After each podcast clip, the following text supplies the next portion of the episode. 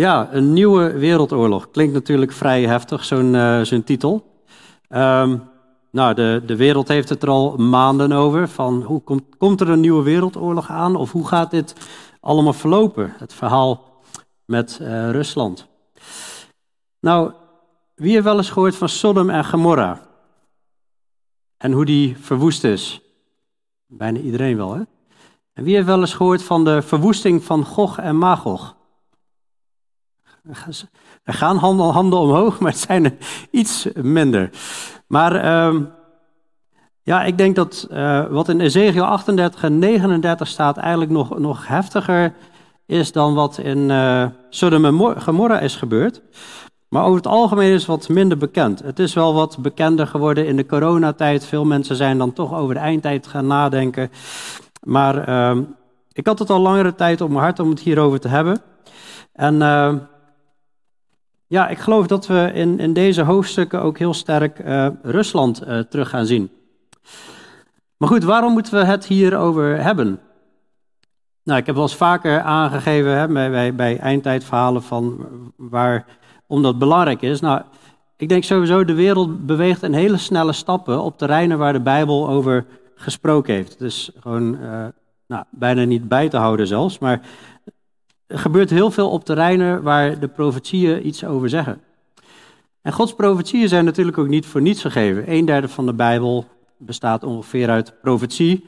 Heel veel daarvan is al wel vervuld, maar een deel, een aanzienlijk deel, ook nog niet. En ja, God geeft dat ons om zijn plannen bekend te maken. En de Bijbel staat vol waarschuwingen over hoe het met de wereld af gaat lopen. 2 Petrus 3 was hier ook een goed voorbeeld van. Vorige week. Hoe de elementen zullen vergaan. Hè, en hoe we dus daarom des te meer heilig zouden moeten wandelen.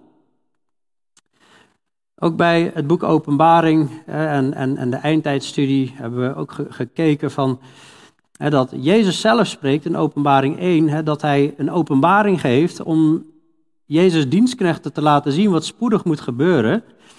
Uh, om gelukkig of zalig te worden. niet, niet dat je de, je redding daardoor krijgt, maar daar vind je een stuk vrede in, zeg maar.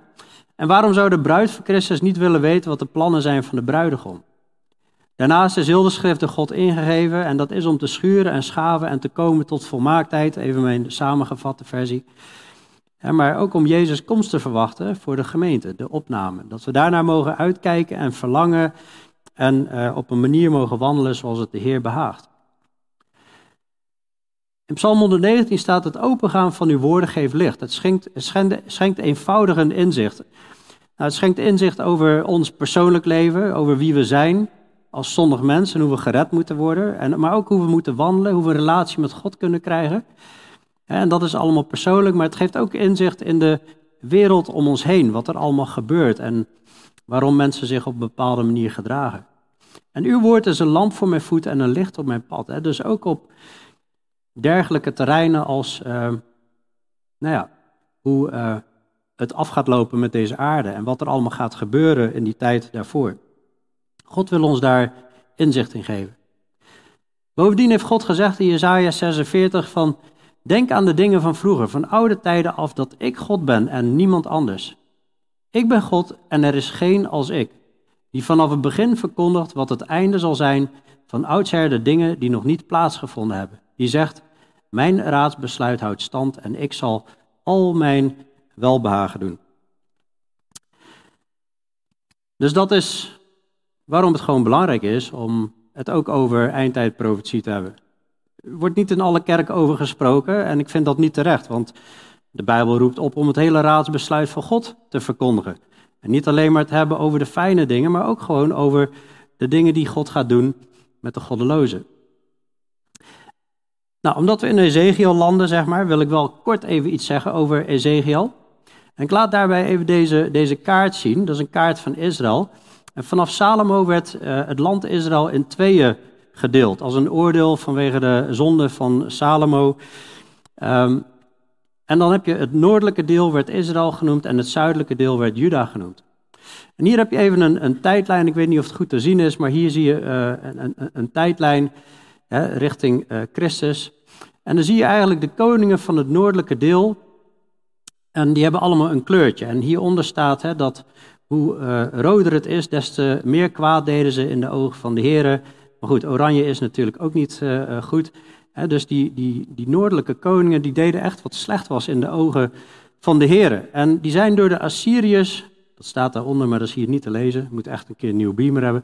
Maar de Assyriërs die hebben eigenlijk het noordelijke deel al uh, veel eerder dan het zuidelijke deel in gevangenschap genomen. Dat noemen ze ook wel de, de verloren stammen of de lost uh, tribes. Het zuidelijke deel bleef nog veel langer. Er waren ook nog een aantal koningen die wel deden wat goed was in de ogen van de Heer. Maar een aantal hadden zo echt de grimmigheid van God verwekt, de toorn van God opgewekt, uh, vreselijke dingen, kinderen door het vuur laten gaan voor afgoden, dat God zegt, nu is het klaar. En dus dan vindt de Babylonische gevangenschap plaats. En in die tijd, hier zie je die uh, blauwe balkjes, dat zijn allemaal profeten, waarvan een deel daarvan hebben boeken in het Oude Testament. Die profeteerden in die tijd. Nou, je ziet Jezaja, Jeremia, maar hier zie je Ezekiel. En Ezekiel, die profeteert vanuit Babylon. Die was dus al gevangen genomen en profeteert vanuit Babylon. En ja, goed, het is een, echt een heel bijzonder boek. Hij krijgt hele bijzondere profetieën. Meteen in hoofdstuk 1 ziet hij al een verschijning van de heerlijkheid van de Heer, die op een of andere hele brute machine aankomt. En de wielen zijn omschreven, en er zitten allemaal ogen in, en er zitten uh, zeer, of soort, soort, soort engelen uh, zitten daar in die wielen. En met bliksemschichten, een soort nucleaire energie, schiet dat heen en weer. En het is een verschijning van de heerlijkheid van de Heer. En later ziet hij het uh, nog een keer, maar Ezekiel ziet ook in de geest, ziet hij eigenlijk de heerlijkheid van de Heer uit Jeruzalem wegtrekken vanwege de ongehoorzaamheid van Israël. Israël was bestraft, continu gewaarschuwd en 70 jaar moet ze in gevangenschap. Dat ziet Ezekiel allemaal. Hij krijgt ook een boodschap van God. U mensenkind, ik heb u aangesteld tot wachter over het huis van Israël. U zult een woord uit mijn mond horen en u moet hen namens mij waarschuwen. Als ik tegen de goddelozen zeg, goddelozen, u zult zeker sterven, en u hebt niet gesproken om de goddelozen te waarschuwen voor zijn weg, dan zal die goddeloze in zijn ongerechtigheid sterven, maar zijn bloed zal ik van uw hand eisen. Dus Ezekiel krijgt best een lastige taak. God zegt eigenlijk tegen hem, jij moet gaan prediken en op het moment dat jij je mond houdt, jij vertelt het niet aan hun, dan rust er schuld op jou. En wat interessant is, is dat Paulus eigenlijk zoiets citeert in Handelingen 20, wanneer hij eigenlijk het hele raadsbesluit van God dus de hele Bijbel heeft hij verkondigd aan de ouderlingen. En dan uh, zegt hij, ik betuig u op de huidige dag dat ik rein ben van het bloed van u allen. Dus op dezelfde manier ziet Paulus eigenlijk van wat mij gegeven is, moet ik verkondigen. dus wat ons weer, en hij geeft dat aan ouderlingen, die dat eigenlijk ook weer moeten doen. Wat ons gegeven is, dat moeten wij weer verkondigen. Dus ik denk dat het woord van God horen is niet helemaal vrijblijvend daarmee. Hè. Wij moeten daar iets mee, mee doen. God zegt tegen Ezekiel, zie, ik zal uw gezicht even hard maken als hun gezicht en uw voorhoofd even hard als hun voorhoofd. Uw voorhoofd zal ik maken als diamant, harder dan steen. Wees niet bevreesd van, wees niet ontsteld voor hun blik, want zij zijn een opstandig huis. Ik geloof niet dat Ezekiel hart van hart wordt, maar dat zijn voorhoofd, hè, dat hij in, in zijn spreken uh, tot de uh, Israëlieten, maar ook de andere volken kan doordringen tot de harten. En in ieder geval bestand is tegen hun hardheid. Het boek is even heel grof ingedeeld als hoofdstuk 1 tot 24 geeft oordeel waarschuwingen aan Israël en Juda. Een oproep tot bekering. Dan krijgen we een, in het midden een deel met allemaal oordeel uh, uitspraken over heidevolken. Heidevolken die op dat moment ook al leefden en die al geoordeeld zijn. En we zien dan in hoofdstuk 33 tot 48 een herstel en een vrede voor Israël. En zelfs vier hoofdstukken lang wordt er uh, wordt gewijd aan een nieuwe uh, tempel die nog nooit gebouwd is. Die moet nog gebouwd worden, die is toekomstig met een heel groot oppervlak, het tempelcomplex, in vergelijking met de eerdere tempels en de tabernakel. Dat staat allemaal in, in Ezekiel. Dus we vallen bij hoofdstuk 38 en 39 daar middenin. Maar waar het ten diepste om draait in het boek Ezekiel en eigenlijk in de hele Bijbel, hè, dat is dat God dit soort dingen zegt. Ik spaarde hen, ik spaarde hen vanwege mijn heilige naam. Het huis van Israël had die ontheiligd onder de heidevolken waarheen zij gegaan waren. Zeg daarom tegen het huis van Israël, zo zegt de Heere Heere, ik doe het niet om u, huis van Israël, maar om mijn heilige naam, die u ontheiligd hebt onder de heidevolken waarheen u gegaan bent. Ik zal mijn grote naam heiligen, die onder de heidevolken ontheiligd is, die u in hun midden ontheiligd hebt. Dan zullen de heidevolken weten dat ik de Heere ben, spreekt de Heere Heere, als ik in u voor hun ogen geheiligd word. Ik zal u uit de heidevolken halen en u uit alle landen bijeenbrengen. Dan zal ik u naar uw land brengen. En nou is het zo dat Israël toen al teruggekomen is in het land. Alleen we zien ook heel duidelijk, daar kun je niet omheen, dat het nog een keer gaat gebeuren. Dat Israël wereldwijd verspreid zal worden en dat ze dan terugkomen. En dat gaan we zien in dit hoofdstuk. En dat dit gaat over het einde van de tijden. Er, komt een oorlog eh, die nog nooit geweest is. met uh, zeven maanden zullen ze lijken bergen. Zeven jaar zullen ze leven van de brandstof van dat leger wat uh, veroverd is. Zoiets heeft nog nooit plaatsgevonden. En dan gaat Israël gaat hersteld worden, gaan we zo zien. Een grote wereldoorlog is op komst. Dat is wat ik geloof. En God gebruikt geregeld bepaalde volken om andere volken te bestraffen. Of eigenlijk best vaak, hè, voor hun opgestapelde zonden. Dat begint al in Genesis 15, dat Abraham nog niet het land Canaan in beslag neemt. Hè, want de ongerechtigheden van de inwoners zijn nog niet vol. Dat duurt 400 jaar voordat ze erin komen. En dan gebruikt God Israël eigenlijk als een oordeel, als een zwaard. We zien ook hoe God eigenlijk uh, Babylon heeft gebruikt, Babel, Babylon heeft gebruikt als moker van heel de aarde om andere volken te straffen. Alleen ze gingen zelf ook over de scheef en ja, God heeft hun uiteindelijk ook laten vallen. En dan zegt Jeremia, hoe is de moker van heel de aarde afgehakt en stuk gebroken? Hoe is Babel tot een verschrikking geworden onder de heidevolken? Daarnaast zal oorlog een, een doorlopend fenomeen zijn in de laatste tijd. En de laatste tijd is waar we nu in leven. Jezus zelf heeft gezegd, u zult horen van oorlogen en geruchten van oorlogen. Pas op, word niet verschrikt, want al die dingen moeten gebeuren, maar het is nog niet het einde. En dus wij moeten niet schrikken van oorlogen, het is deel van Gods plan. dus mijn doel is niet vandaag om jullie te laten schrikken, er komen oorlogen aan, maar juist uh, dat we niet verschrikt zijn, van, want dit is Gods plan, wat moet gebeuren. dus God gaat uh, oorlogen toelaten. Jezus heeft het al gezegd, word niet verschrikt. Nou, Ezekiel 38, 39, even heel kort. Is dit een beetje het plaatje, en dat ga ik onderbouwen, uh, wat er gaat gebeuren. En ik geloof dat dat uh, niet heel lang meer gaat gebeuren voordat uh, deze grote oorlog gaat, gaat plaatsvinden. Uh, en dat het rond de tijd van de grote verdrukking zal zijn. Ja, dus wij geloven, nou daar hebben we allemaal onderbouwd, er zijn uitgebreid veel preken over op internet. Dat er een opname is voor de grote verdrukking, dan een grote verdrukking van zeven jaar. En dat daarna Jezus op aarde komt om duizend jaar te heersen als koning. En rond die tijd van de grote verdrukking gaat uh, dit gebeuren, deze oorlog. Nou, ik. Um, even kijken. Ik, ik, nee, ik zal zo even een paar uh, versen lezen. er zijn mensen die denken dat de oorlog van Gog en Magog hetzelfde is als de, de eindbattle omschreven in het boek Openbaring. Um, ik geloof dat niet, dat zal ik later ook laten zien. Um, want er is in Daniel een beeld omschreven dat gaat over de wereldrijken in opeenvolgende uh, volgorde. En, en, het Romeinse Rijk is, is, is, de laatste en die zal hersteld worden. Dat is eigenlijk het Europa wat we nu zien, kort samengevat. Maar dat uh, ja, beheerst eigenlijk uh, een, een, een ander gebied. Er zit wel wat overlap in, maar een ander gebied dan waar Ezekiel 38 en 39 over gaat. qua volken die zullen gaan aanvallen in deze oorlog. Maar het kan wel rond dezelfde tijd plaats gaan vinden. Ook is het belangrijk om te beseffen, er worden twee oorlogen met Gog en Magog genoemd in de Bijbel. In Openbaring 20 en hier in Ezekiel 38, 39. Maar die in Openbaring 20 is een andere oorlog dan deze.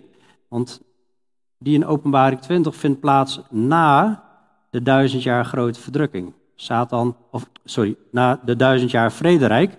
Uh, Satan wordt dan duizend jaar gebonden en dan nog heel even losgelaten.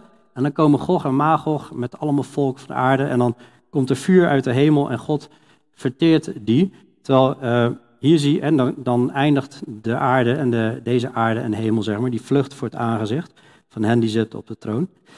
Uh, terwijl na deze oorlog is er nog uh, een periode van zeven maanden dat ze lijken gaan bergen, zeg maar.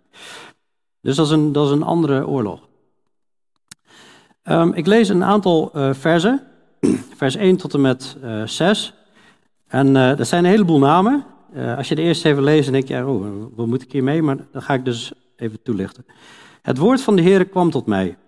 Mensenkind, richt uw, blik op Gog, het land van Magog, de, de oppervorst van Mezeg en Tubal, en profeteer tegen hem. Zeg, zo zegt de Heere Heere, zie, ik zal u, Gog, oppervorst van Mezeg en Tubal, ik zal u omkeren, ik zal haken in uw kaken slaan en ik zal u doen uittrekken u met heel uw leger, paarden en ruiters, allen uitmuntend gekleed, uitmuntend gekleed, een grote strijdmacht met grote en kleine schilden, die allen het zwaard hanteren. Bij hen zijn Perzen, Cushieten en Puteërs, allen met schild en helm, Gomer met al zijn troepen, Bet Togarma in of het uiterste noorden met al zijn troepen, vele volken met u. Nou, een hele lijst met, uh, uh, met namen van, van allemaal volken die mee gaan optrekken. Maar hij begint, met Gog. En Gog is dus een, een groot leider. dus een, Gog, hij, hij, wordt oppervorst van Mesach en Tubal genoemd in vers 3. dus een, een, een, een, leider, hij wordt in hoofdstuk 39 ook nog een paar keer genoemd. Maar ik geloof dat dat niet de antichrist is. Dus, ik, ik moet erbij zeggen, Ezekiel 38 en 39, het, zijn, uh, het is niet heel ingewikkeld om te lezen. Maar toch zijn zelfs in bijbeltrouwe hoeken zijn er best wel wat verschillen qua inzicht. Sowieso over de landen, welke dat zijn. Um, heel veel is wel overeenstemming over. Maar ook het moment rond de grote verdrukking, wanneer deze oorlog plaatsvindt. Ik ga ook niet 100% zeggen, hij vindt dan plaats in de grote verdrukking. Ik heb me de nou, kapot gezocht of ik daar antwoord op kon krijgen. Als iemand daar heel helder antwoord op krijgt, dan zou ik het ook graag willen weten. Maar goed, als de Bijbel er heel stellig over was geweest, dan had ik het denk ik wel gevonden. Um, maar goed, meteen gaat het ook over Magog, het land van Magog. En wat is Magog? Nou, er zijn allemaal mensen die de geschiedenis goed kennen en die, die ons dan vertellen. Uh, Magog, dat vertegenwoordigt het gebied van de Skitten. Ik hoop dat ik het goed uitspreek. Nou, op deze kaart zie je dat dat noordelijk ligt van de Zwarte Zee en de Kaspische Zee. dus dat valt in het gebied van waar nu Rusland ligt. die, volgens de herziende staatvertaling, de studiebijbel, staat ook die beheerste gebieden van Azië ten noorden van de Zwarte Zee en de Kaspische Zee, het moderne Rusland, Oekraïne en Kazachstan. Dus dat is meteen al heel interessant. Oekraïne ligt hier wat meer eh, ten westen en Kazachstan hier wat meer uh, ten oosten. Um, dus dat zou betekenen dus dat als uh, deze landen daaronder vallen en ja, God gaat al die landen samen roepen om naar het zuiden te komen, dat Rusland en Oekraïne op een gegeven moment een keer bondgenoten gaan worden. Um, nou, daar lijkt het nu absoluut niet op. Maar goed, wij weten niet hoe deze oorlog gaat verlopen. Ik zeg ook niet dat deze oorlog in Ezekiel 38, 39 per se de oorlog is die we nu uh, op het nieuws zien. Maar als dit gedeelte aangeeft dat er een, een grote macht moet zijn, want Gog uh, en Magog, hè, dat, die gaat de lead nemen, zeg maar. En dan moet je, ja, kun je wel verwachten dat ergens tegen de tijd van de eindtijd er dus een grote macht in het noorden klaar moet staan om dit uh, te kunnen uitvoeren. Um, en je moet dan ook niet verbaasd zijn als er op een gegeven moment beweging gaat komen in de richting van um, als we dicht bij de grote verdrukking gaan komen. En wat interessant is in 38 vers 2, daar wordt gesproken over oppervorst, maar in de grondtekst is dat woord is rosh. Waarbij veel Bijbeluitleggers uh, geloven dat daar een link is tussen uh, Russia of Rosh, die, uh, dat, dat die naam daar vandaan komt. Het lastige is dat het niet keihard te bewijzen is, maar uh, nou, goed, er, er lijken wel aanwijzingen te zijn. Maar los daarvan wordt gewoon gesproken op meer plekken dat ehm, bijvoorbeeld in 38 vers 15, u zult uit uw woonplaats komen uit het uiterste noorden. Um, ook in hoofdstuk 39 vers 2 wordt gesproken over Gog. Ik zal u omkeren, u meeslepen, u doen optrekken uit het uiterste noorden en u op de bergen van Israël brengen. Dus zowel Magog, het gebied van Magog, geeft aan, hey, dit lijkt over Rusland te gaan. De term Rosh lijkt op Russia, zeg maar. En dan um, heb je nog het argument van ja, dat uh, meerdere keren gesproken wordt over het uiterste noorden. Mesach en Tubal die lagen vroeger in Klein-Azië, dat is dan wel Turkije, maar mogelijk zijn Moskou en Tubal, uh, Tobolski naar vernoemd. Hè, dat die mensen ook wat noordelijker verhuisd zijn. Um, ook niet 100% vast te stellen, maar het klinkt wel redelijk in de buurt van. Hè, Mesach, Tubal, Moskou, Tobolsk. Maar goed, anyway, ik geloof dat er genoeg aanwijzing is. Magog vertegenwoordigt het gebied Rusland-Oekraïne. Er wordt uh, meerdere keren gesproken over het land uit het uiterste uh, noorden. En dat we ja, toch wel vast kunnen stellen dat dit over Rusland gaat. En nog meer landen rondom Rusland, zoals dus Oekraïne, uh, Kazachstan, Armenië, Turkije. en dan zien we verder hier in vers 5 en, en 6, daar worden ook nog wat namen genoemd. De Perzen die komen mee, dat is Iran. De Kushieten, dat zou e-, Ethiopië moeten zien, zijn. De Puteërs, Libië in het noorden van Afrika. Uh, Gomer, Armenië. Sommigen zeggen zelfs dat dat mogelijk Duitsland kan zijn. Maar goed, Armenië, dat klinkt wat aannemelijk omdat het in dezelfde regio ligt. En dan uh, Bet Togarma, dat zou Turkije representeren. Uh, en dat is wel interessant, omdat dit zijn ja, veelal islamitische landen die eigenlijk nu al uh, uh, grotendeels een hekel hebben aan, aan Israël.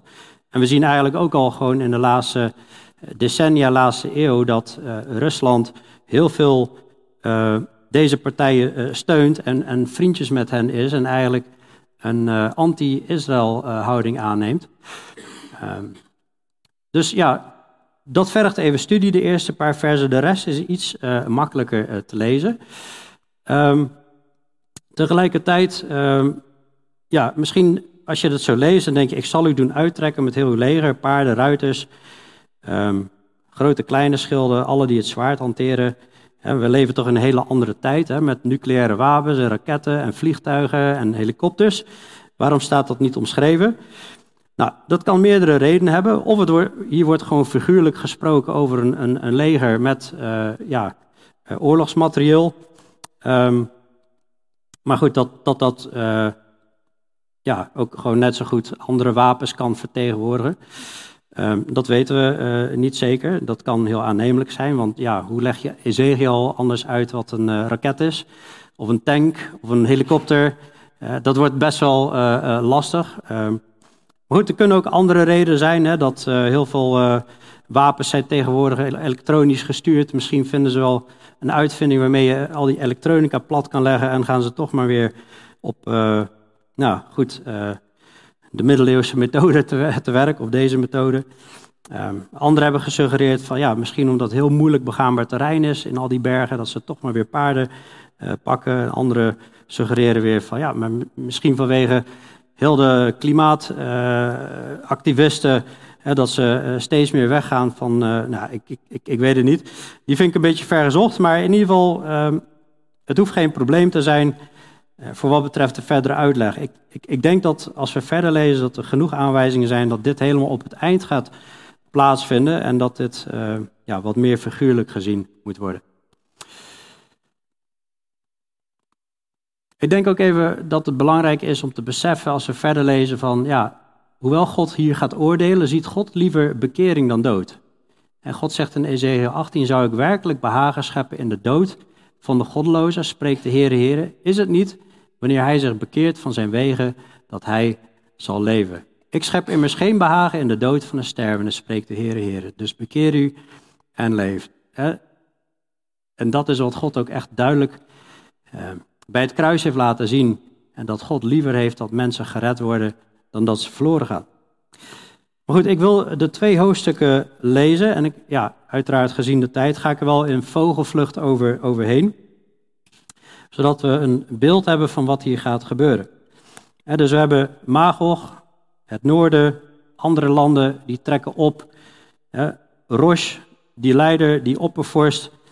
Um, en uh, meerdere keren wordt gesproken over en dat Gog uit het uiterste noorden komt. Dus vers 7 zegt: Wees bereid, maak u gereed, u en uw hele strijdmacht die bij u bijeengekomen is. Wees een wachter voor hen. Na vele dagen zult u gestraft worden. Aan het einde van de jaren zult u komen in een land dat hersteld is van het zwaard. Bijeengebracht uit vele volken op de bergen van Israël. En dus dit zal plaatsvinden op het moment dat Israël hersteld is van het zwaard. Nou, we weten in ieder geval dat, dat Israël oorlog heeft gehad in de vorige eeuw. Daar zijn ze van hersteld. Is er volledige rust? Nou, nog niet, maar...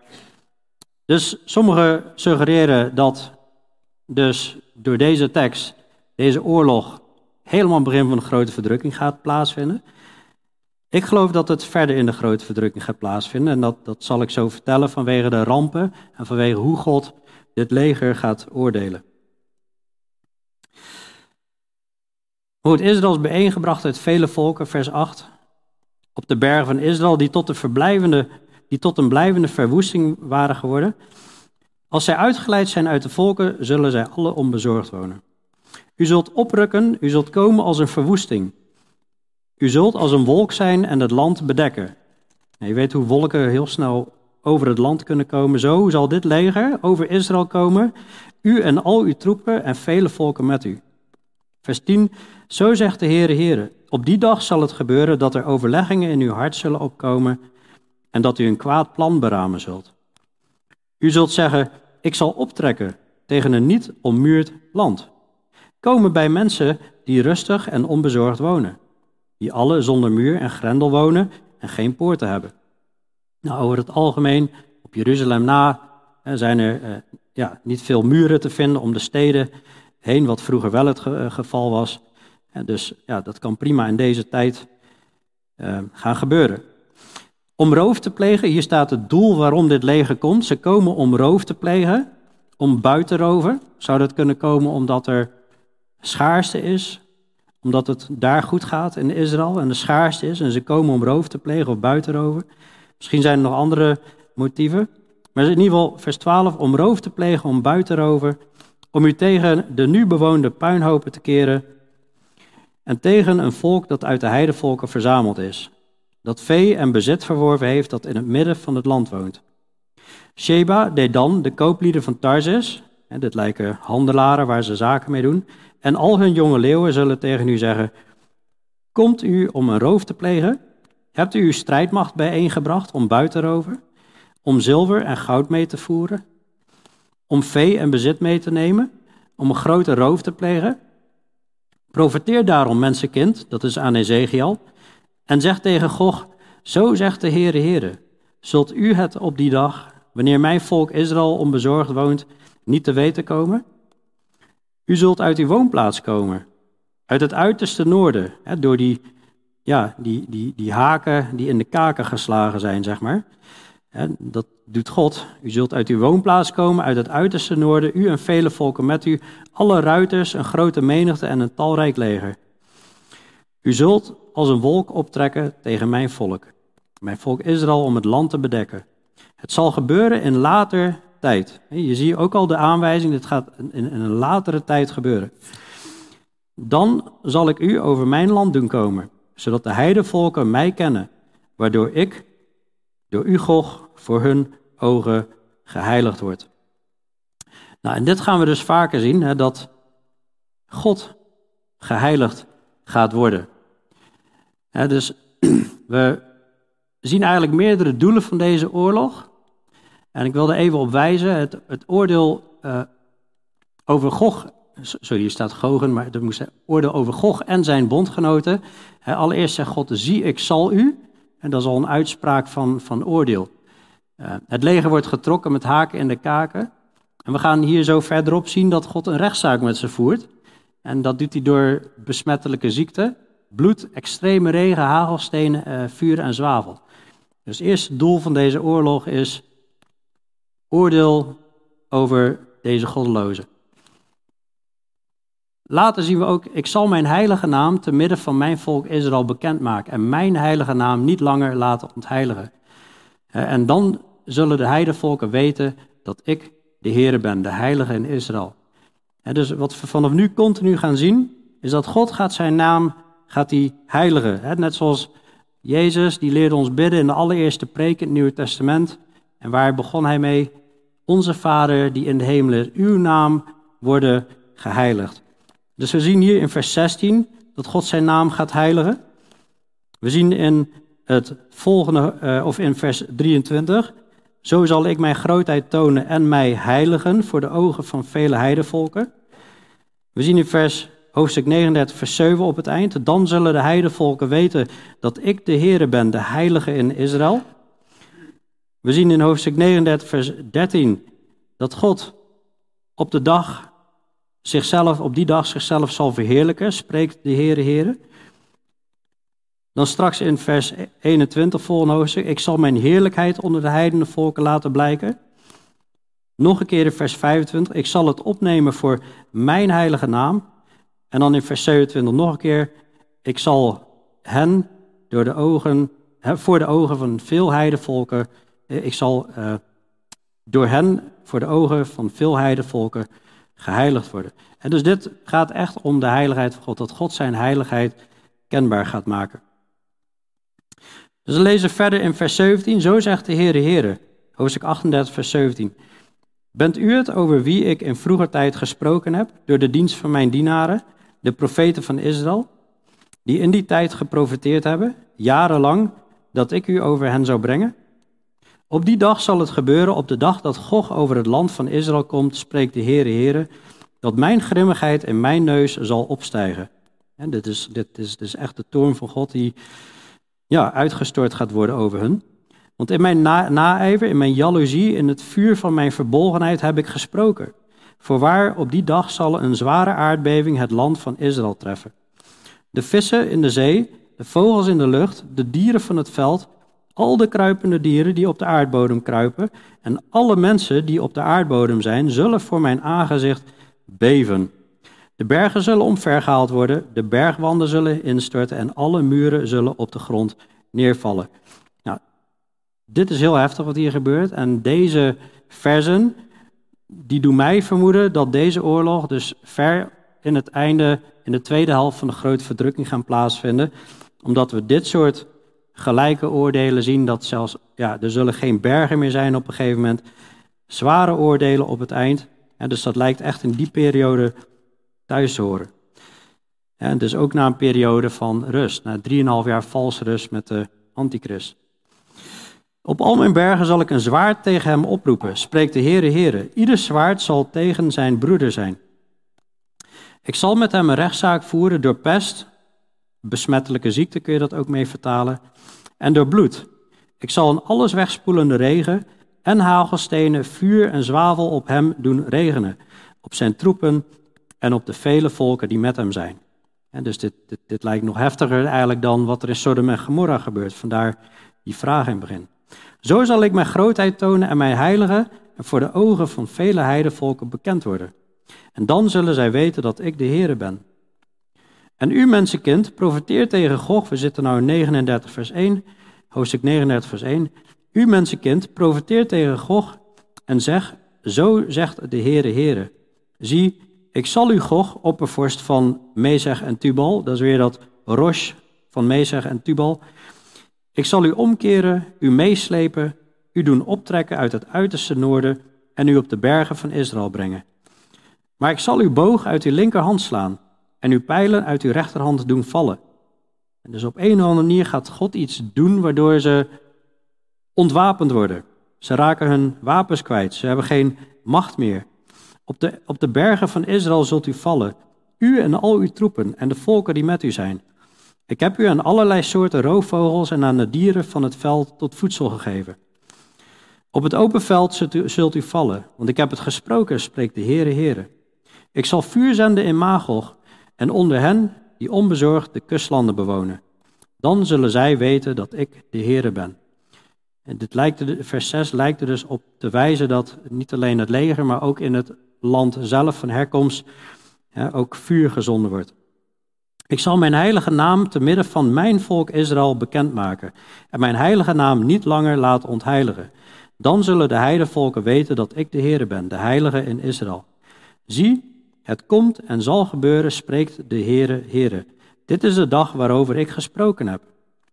De inwoners van de steden van Israël zullen de stad uitgaan, een vuur aansteken en de wapens, de kleine en de grote schilden, de bogen en de pijlen, de handstokken en de speren verbranden van dat leger van Rusland en bondgenoten.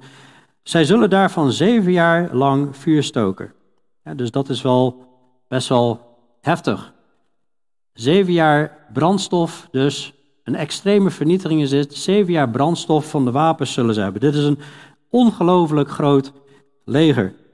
Zodat zij geen hout uit het veld hoeven te halen en niets uit de bos hoeven te hakken, maar vuur kunnen stoken van de wapens. Zo zullen zij hun plunderaars plunderen en beroven wie hen beroofd hadden, spreekt de Heere Heere. Op die dag zal het gebeuren dat ik, Gog, daar in Israël een plaats voor een graf zal geven. Het dal van de reizigers, dat reizigers de weg verspert ten oosten van de zee. Daar zullen zij Gog en heel zijn menigte begraven en zullen het noemen dal van de menigte van Gog. Waarschijnlijk ten oosten van de dode zee, hè, dat daar een groot, groot massagraf komt. Het huis van Israël zal hem begraven om het land te reinigen zeven maanden lang. Zeven maanden lang. En dus zeven jaar hebben ze brandstof van de wapens en zeven maanden lang gaan ze lijken bergen. Dit wordt een stank, dit wordt, dit wordt vreselijk, dit... Het hele land wordt erbij betrokken. Vers 13, heel de bevolking van het land zal begraven. Men wil zo snel mogelijk van deze onreinheid af, van die stank af. En het zal hun tot een naam zijn op de dag dat ik mijzelf verheerlijk, spreekt de Heer Heer. Ook zullen zij mannen afzonderen die voortdurend met de reizigers door het land trekken en hen die op het land achtergebleven zijn, begraven om het land te reinigen. Na verloop van zeven maanden moeten zij op onderzoek uitgaan. En als de reizigers door het land trekken en iemand een menselijk bot ziet, moet hij er een merkteken bij zetten, totdat de doodgravers het begraven hebben in het dal van de menigte van Gog. En Hamona, dat betekent menigte, dus een plaats, is ook de naam van een stad. Zo zullen zij het land reinigen. En u mensenkind, zo zegt de Heere Heere, zeg tegen alle soorten vogels en tegen alle dieren van het veld, verzamel u en kom, kom van rondom bijeen bij mijn offer dat ik breng. Een groot offer voor u op de bergen van Israël. En eet vlees en drink bloed. U zult van vlees, u zult vlees van helden eten en het bloed van de vorsten van het land drinken. Van rammen, lammeren, bokken, jonge stieren, allemaal gemest vee van Bazan. U zult vet eten tot verzadiging toe en bloed drinken tot dronkenschap toe, van mijn offer dat ik voor u gebracht heb. U zult verzadigd worden aan mijn tafel met paarden en ruiters, helden en strijdbare mannen, spreekt de Heere, Heere. Ik zal mijn heerlijkheid onder de heidenvolken laten blijken. En alle heidenvolken zullen mijn oordeel zien dat ik geveld heb en mijn hand die ik op hen gelegd heb. Nou, nou lijkt het natuurlijk heel erg op uh, wat we hier zien. Hè?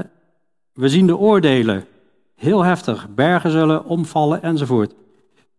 We zien rampen gelijkwaardig als wat we in openbaring zien. Maar we zien ook in openbaring zien we een, een eindstrijd. Uh, maar dat is de, de strijd van Armageddon, zeg maar. In de vlakte van Megiddo. Maar in openbaring 16, daar staat dit. De zesde engel goot zijn schaal uit over de grote rivier, de Eufraat. En haar water droogde, de Eufraat loopt hier. En haar water droogde op, zodat de weg gereed gemaakt werd voor de koningen uit de richting waar de zon opgaat. Dus uit het oosten worden koningen gehaald. Misschien China, misschien Japan. En ik zag uit de bek van de draak, uit de bek van het beest, dat is de antichrist, en uit de mond van de uh, valse profeet drie onreine geesten komen als kikvorsen. Dit zijn namelijk de geesten van de demonen die tekenen doen en die uitgaan naar de koningen van de aarde en van de hele wereld om hen te verzamelen voor de oorlog van de grote dag van de Almachtige God. Nou, en er wordt er verder in Openbaring 19 ook omschreven dat er vogels gaan komen, ook hier naar die grote maaltijd. En, en toch denk ik dat dit niet dezelfde strijd is, hè, de strijd in Megiddo, hè, want dit vindt ook plaats op bergen en heuvels, hebben we uh, gelezen. Um, en daarnaast wordt hier een selectie van landen genoemd in Ezekiel 38 en 39. Terwijl hier op een gegeven moment gesproken wordt hè, dat de koningen uh, van de aarde en van de hele wereld die richting op, op komen. Hè. Dus vanuit Amerika, Europa, Afrika, Australië komen ze allemaal komen ze op. Waarbij ik dus wel denk dat dit, die oorlog van Ezekiel 38, 39 redelijk op het eind gaat plaatsvinden, maar niet dezelfde. Dus het lijkt erop dat die eindoorlog in, in uh, fase gaat plaatsvinden. Dat ja, Rusland uh, komt aanvallen met zijn bondgenoten en misschien de antichrist in zijn hoogmoed denkt van wat, wat hun niet gelukt is, gaat mij uh, wel lukken. Dat is een gedachte van mij, ik kan niet 100% aantonen. Ik vraag me af of überhaupt iemand dat kan, maar je zoekt van wanneer gaat dit gebeuren. Uh, maar goed, hoe dan ook, wat je ook ziet, hè, dat is wat God al wat al in Spreuken 21 staat, dat het hart van de koning is in de hand van de Heere als waterbeker. Hij neigt het tot alles wat hem behaagt. En dus God is niet verantwoordelijk voor de zonde van de koningen, maar hij stuurt wel van alles zoals hij waterbeken stuurt. Maar God gaat zijn heerlijkheid onder de heidevolken gaat hij laten blijken. En leven ze nog verder in vers 22. Dan zullen zij, die van het huis van Israël zijn, weten dat ik, de Heere, hun God ben. Vanaf die dag en daarna. God heeft nog een plan met Israël. God gaat Israël nog herstellen. Dat zien we in Daniel 9 in die laatste jaarweek. Dat zien we op meer plaatsen. En dan zullen de heidevolken weten, vers 23, dat zij die van het huis van Israël zijn om hun ongerechtigheid in ballingschap zijn gegaan. Omdat zij mij ontrouw waren, omdat zij mij ontrouw waren, verborg ik mijn aangezicht voor hen en gaf ik hen in de hand van hun tegenstanders zodat zij alle door het zwaard vielen. Overeenkomstig hun onreinheid en overeenkomstig hun overtredingen heb ik met hen gehandeld en ik heb mijn aangezicht voor hen verborgen. Daarom, zo zegt de Heere Heer, ik zal nu een omkeer brengen in de gevangenschap van Jacob. Ik zal mij ontfermen over heel het huis van Israël en ik zal het opnemen voor mijn heilige naam. Zij zullen hun schande moeten dragen en heel hun trouwbreuk, die zij tegenover mij gepleegd hebben, toen zij onbezorgd in hun land woonden en er niemand was die hun schrik aanjoeg. Wanneer ik hen uit de volken terugbreng en hen bijeenbreng uit de landen van hun vijanden, zal ik door hen voor de ogen van veel heidevolken geheiligd worden. En dan zullen zij weten dat ik, de Heere, hun God ben. Omdat ik hen onder de heidevolken in ballingschap voerde, maar hen ook weer verzamelde in hun land en niemand van hen daar ginds nog liet achterblijven. Ik zal mijn aangezicht niet meer voor hen verbergen, wanneer ik mijn geest over het huis van Israël heb uitgestort, spreekt de Heere, Heere. God gaat de natie, het volk Israël, herstellen. En ze gaan er weer aanroepen als hun God. Dat zegt Romeinen 11 ook, dat God heeft ze nu een geest van diepe slaap gegeven. En nu is de tijd van de heidenen, dat stopt op een gegeven moment. En dan gaat God Israël weer uit hun slaap halen. Hij gaat zijn geest over het huis van Israël uitstorten. En in duizendjarig vrederijk gaat Israël weer een centrale plaats innemen. Ook de tempeldienst gaat weer ingesteld worden. Dus ja, het is heftig nieuws, maar aan de andere kant, als ik dit zo bekijk, dan denk ik, ja, Romeinen 11, vers 33 is hier van toepassing. O diepte van rijkdom, zowel van wijsheid als van kennis van God. Hoe, ondergrondelijk zijn zijn oordelen en onnaspeurlijk zijn wegen. Want wie heeft de gedachten van de Heer gekend? Of wie is zijn raadsman geweest? Of wie heeft hem eerst iets gegeven en het zal hem vergolden worden? Want uit hem en door hem en tot hem zijn alle dingen. Hem zij de heerlijkheid tot een eeuwigheid. Amen.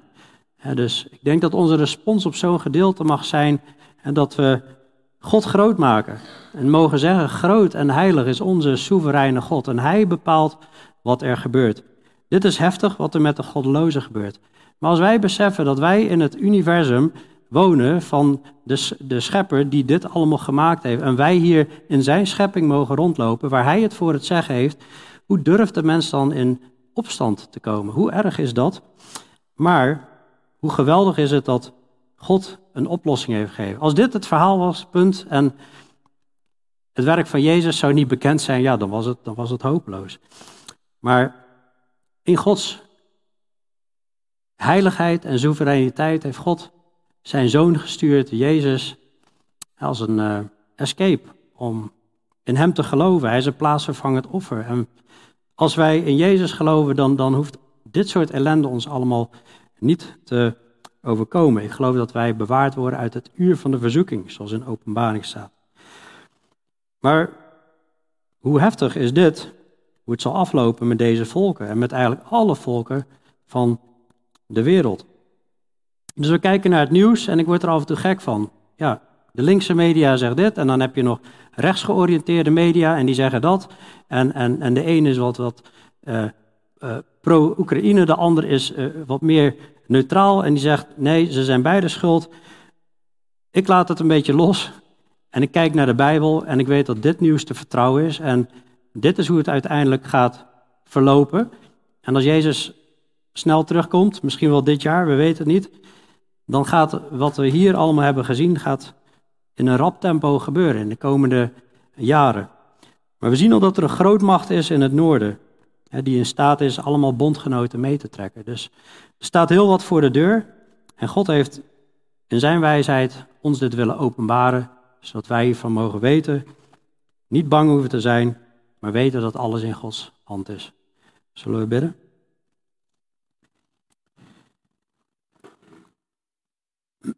Hemelse Vader, Jezus, dank u ja, dat we uw raadsbesluit mogen kennen. Het is best een heftig hoofdstuk, wanneer u gaat oordelen. Maar vaak kijken we horizontaal en dan, althans laat ik voor mezelf spreken, en dan vind het wel eens moeilijk hier dat mensen zo hard geoordeeld gaan worden. Maar vaak vergeten we dan om verticaal te kijken naar u, hoe ongelooflijk heilig, zuiver, volmaakt, puur en liefdevol u bent. En mensen lappen het volledig aan hun laars. Ze gaan hun eigen weg. In atheïsme, in communisme. Zoals we ook bij de Russen hebben gezien hoe ze ja, toch vreed hebben gehandhaafd in de afgelopen eeuw. Maar hoe er ook nog heel veel afgoderij is en schijngodsdienst. Ja, het is vreselijk wat de mensen u aandoet, Heer. En ja, het is ook vreselijk wat wij u hebben aangedaan. En we danken u, Heer, dat Vader, zoals we aan het, bij het avondmaal hebben stilgestaan, dat u uw zoon heeft geofferd. En ja, dat we mogen ontsnappen aan, uh, aan uw oordeel. En Des te groter in deze wetenschap is, het, is, is de genade, is de, ja, des te meer wordt uw liefde zichtbaar, Heer, hoe graag u ons wilde redden door uw eigen zoon te verbrijzelen. Dank u wel daarvoor, Heer. En, uh, we bidden voor Israël, Heer, voor, uh, ja, dat er toch nog velen tot bekering mogen komen. Hier ook uh, ja, voor deze tijd van ellende, want Zacharia spreekt ook over vele doden onder, Joden, onder de Joden. Maar uh,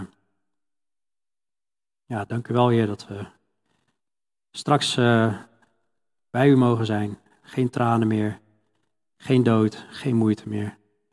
Dat u zo voor ons zorgt en deze weg heeft gebaand. In Jezus' naam. Amen.